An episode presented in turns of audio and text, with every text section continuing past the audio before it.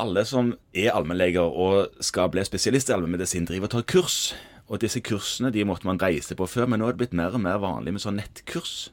Og jeg har fått med meg at det er noe som heter SKIL, og det er òg på nett. Og da tenkte jeg at vi måtte få med oss en SKIL-person, og da har vi med oss Niklas i studio. Hva er SKIL, Niklas? SKIL det står for Senter for kvalitet i legekontor. Eh, og vi er et selskap som er etablert av Legeforeningen, som tilbyr kurs i kvalitetsarbeid for legekontor. Er det kun på nett, dette? Nei, det er ikke bare på nett. Fordi nettkurs har en stor fordel og en ulempe. Fordelen er at det er veldig enkelt å ta. Du kan ta det på bussen, eller i Bergen på Bybanen, fra mobilen din. Ulempen er at hvis du bare tar nettkurs, ja. så har det vist seg at du, du lærer egentlig ikke Du gjør ikke så mange endringer i praksis. Så vi har kombinert veldig fancy, og sett mixed learning nettkurs der du møtes da enten innad på kontor eller smågruppene og diskuterer litt det du har lært. Ja. Og ser hvordan skal jeg ta dette med i min praksis. Hvilke endringer ønsker jeg å gjøre som følge av dette nettkurset. Ja. Kristian, har du tatt noen av disse kursene? Nei, jeg, jeg, har jo ikke det. Altså, jeg tror det eller ei, så er jo jeg sånn som tenker at nettkurs er litt sånn som nettdoktorer. Det har sine begrensninger. Og så reiser jeg på veldig mye kurs. Men jeg har jo sett de kursene, og jeg har jo uten å skryte på meg ting fordi Niklas sitter her, da, tenkt at noen av de må jeg få tatt. Men du har tatt noen sånne kurs, Morten? har du ikke? Jeg har tatt uh, flere av disse skill-kursene og hatt veldig god nytte, nytte av det. Når var det dere begynte, og hva, hva, er det mest populære kurset? Altså, Vi startet offisielt for fire år siden, og reelt for tre år siden. Ja. Uh, fordi at det, det, tok litt tid uh, å få tak i daglig leder. Og da var det én søker til slutt, og det var meg. Ja. Så jeg føler meg veldig sånn, og veldig stor ære for den jobben. Du er rett og slett headhunter, du. det er bare det jeg ville ha. Og da begynte vi med Altså, man kunne jo laget et kurs om kvalitetsarbeid, la oss sette oss ned og diskutere generelt. sant? Og da, da vet vi fra erfaring at det blir det blir lett litt svada. Altså, det blir, å ja, hva, hva, skal jeg forbedre da? Nei, jeg har lyst til å male venterommet. Jeg har lyst til å skrive ut mindre antibiotika. Det blir litt hvitt. Så vi har funnet ut at ok, vi, vi må lage noen kjøreregler for møtene. At ok, vi, vi, nå tar vi et kurs i f.eks. legemiddelgjennomgang. Mm. Uh, og det var det første kurset vårt, og det valgte vi fordi at det er relevant. Altså Vi har ganske mange pasienter med mange legemidler. Det er en skikkelig doktorjobb. Det er jo meningen at dette skal være noe gøy. sant? Og det er skikkelig gøy å faktisk tenke at man er i regien for legemiddellisten. Og det er det vi som allmennleger er. Det andre kurset vårt er riktigere antibiotikaforskrivning. Og det tredje kurset som vi akkurat har begynt med nå, er pasientforløp for utsatte grupper. Ja. Og vi planlegger et fjerde kurs knyttet til Kloke valg-kampanjen til Legeforeningen. Skjønner. Men du nevnte at dette var sånn mixed kurs, med at det var både nett og hva skal jeg si, fysisk oppmøtekurs. Ja. For de som ikke har tatt disse kursene dere tilbyr, på hvilken måte er det mixed? da? Gjøre noe på nett først, og så møte en, eller?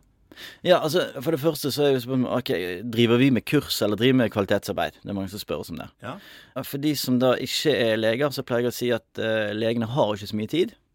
Derfor så kan ikke vi lage et opplegg som koster ekstra tid. Nei. I starten så tenkte vi at ok, vi, vi gjør det enkelt, sånn at det tar veldig lite tid å drive kvalitetsarbeid. Og så gikk vi over til at nei, man skal helst spare tid på å gjøre kvalitetsarbeid. Uh, og derfor tenkte vi at vi må inn i en arena som finnes, f.eks. kurs. Mm. Og vi gjør det enda mer fleksibelt enn før. Vil si du kan ta nettkurs, kollegagruppen, du kan møtes på kveldstid. Eh, I Trondheim møttes de faktisk på kveld på Valentine's Day en søndag. Sant? Det hadde aldri gått i Stavanger, sikkert. Nei, jeg vet ikke. Eh, men, men, men, så vi prøver å gjøre det fleksibelt. Og da er det én type kurspoeng som er veldig attraktivt for eh, oss. Det er klinisk emnekurs. Ja. For det må vi ha. Mm. og da må du ha minst 15 timer. Og derfor har vi laget et opplegg som består av tre gruppemøter med e-læring på forhånd. Ja. Og hver av de bolkene blir fem timer. Og så lager man da et kurs bestående av tre sånne bolker. Da møtes man over ca. åtte måneder. Og fordelen med det er todelt. Man får de 15 timene, men man får òg på en måte kommet i gang med et kvalitetsprosjekt i praksis, og så kan man følge opp. Så det er en vinn-vinn-situasjon, egentlig, dette her. da. Du sparer tid, og du får kurs. Ja.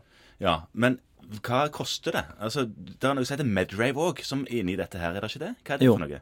Uh, Medrave er et uh, program som trekker ut indikator fra praksis, basert på det man gjør. For eksempel av mine pasienter med mange legemidler. Hvor mange av de har egentlig fått legemiddelgjennomgang? Ok, Så Medrave drar ut fra journalsystemet? Ja. ja. Okay. Så det er noe du må installere eksternt, det da? Ja, det må du. Hvem er det som gjør det? Det er Medrave sjøl. Så da kommer det en fyr, eller? Nei, de gjør det via fjernhjelp. Eh, Vi har faktisk eh, fått eh, endret installeringsprosedyrene, for de var for vanskelige i starten. Ja. Det er jo kvalitetsarbeid. Fordi her, her ser jeg jo på en måte panikken lyse i øynene på, på ca. 4000 dataansvarlige fastleger rundt omkring i landet med et eller annet som skal krasje serveren deres.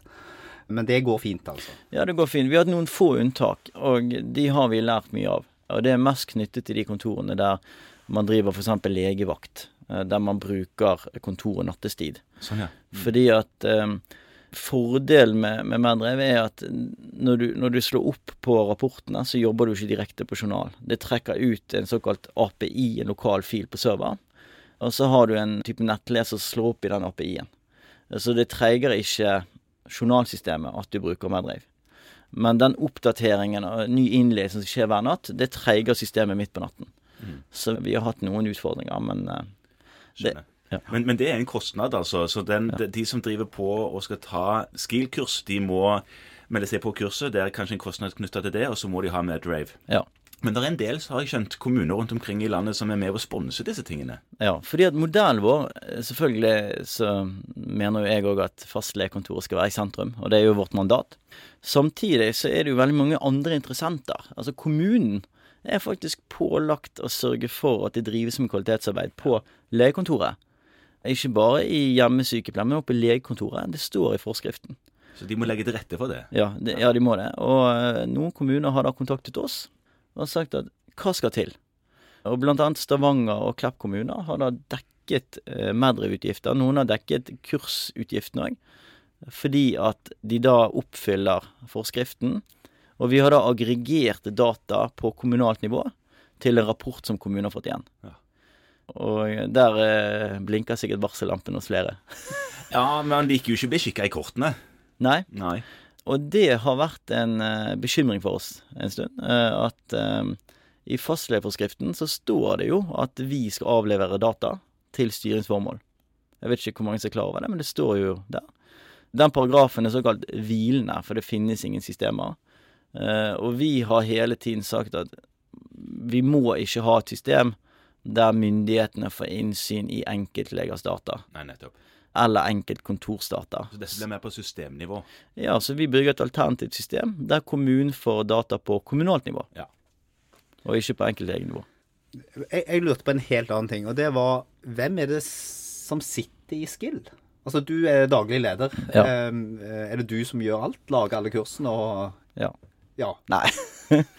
ja altså, det eh, har jo hørt om deg, så det hadde jo ikke vært unaturlig at det var sånn, Niklas. Men eh, du har kanskje med deg noen gode hjelpere? Ja da, så vi er Nå er vi seks ansatte i SKIL, til sammen knappe fire årsverk. Ja. Vi er to allmennleger som jobber i praksis. Og vi har en som er spesialist i allmedisin, nettopp gått ut av praksis. En IT-ansvarlig, og en administrasjonskonsulent. Og en mer sånn tekniker. Men den faglige inputen, det henter vi fra eksterne grupper. Jeg hadde nettopp et møte nå med faggruppen til gode pasientforløp. For det er klart at altså, vår kompetanse går på kvalitetsarbeidet. Mens knyttet til f.eks. antibiotika eller legemiddelgjennomgang, så er vi knyttet til oss Antibiotikasenteret, Legemiddelverket, Universitetet i Bergen osv. Fordi vi trenger jo å lage gode kurs som rent faglig er gode. Og vi er òg opptatt av at kurs er aldri ferdig. Et kurs er lanseringsklart, men et kurs er bare ferdig når du kasserer det. Hele tiden kan kursen bli bedre, så vi har kontinuerlig oppdatering av alle kursene. Nettopp. Det er bra. Hva er Skil sitt sånn lodne mål der framme? Skal dere drive på med forskning og på dette materialet som etter hvert? Skal det bli doktorgrader ut av dette her? Dere har vel en tilknytning til Universitetet i Bergen særlig? Altså, vi kommer ikke til å primært forske sjøl, men vi har samarbeid med forskere. Og vi ønsker jo at gjerne å publisere data på SKIL sitt arbeid. Vi har jo en del indikatorer på at dette fungerer veldig bra.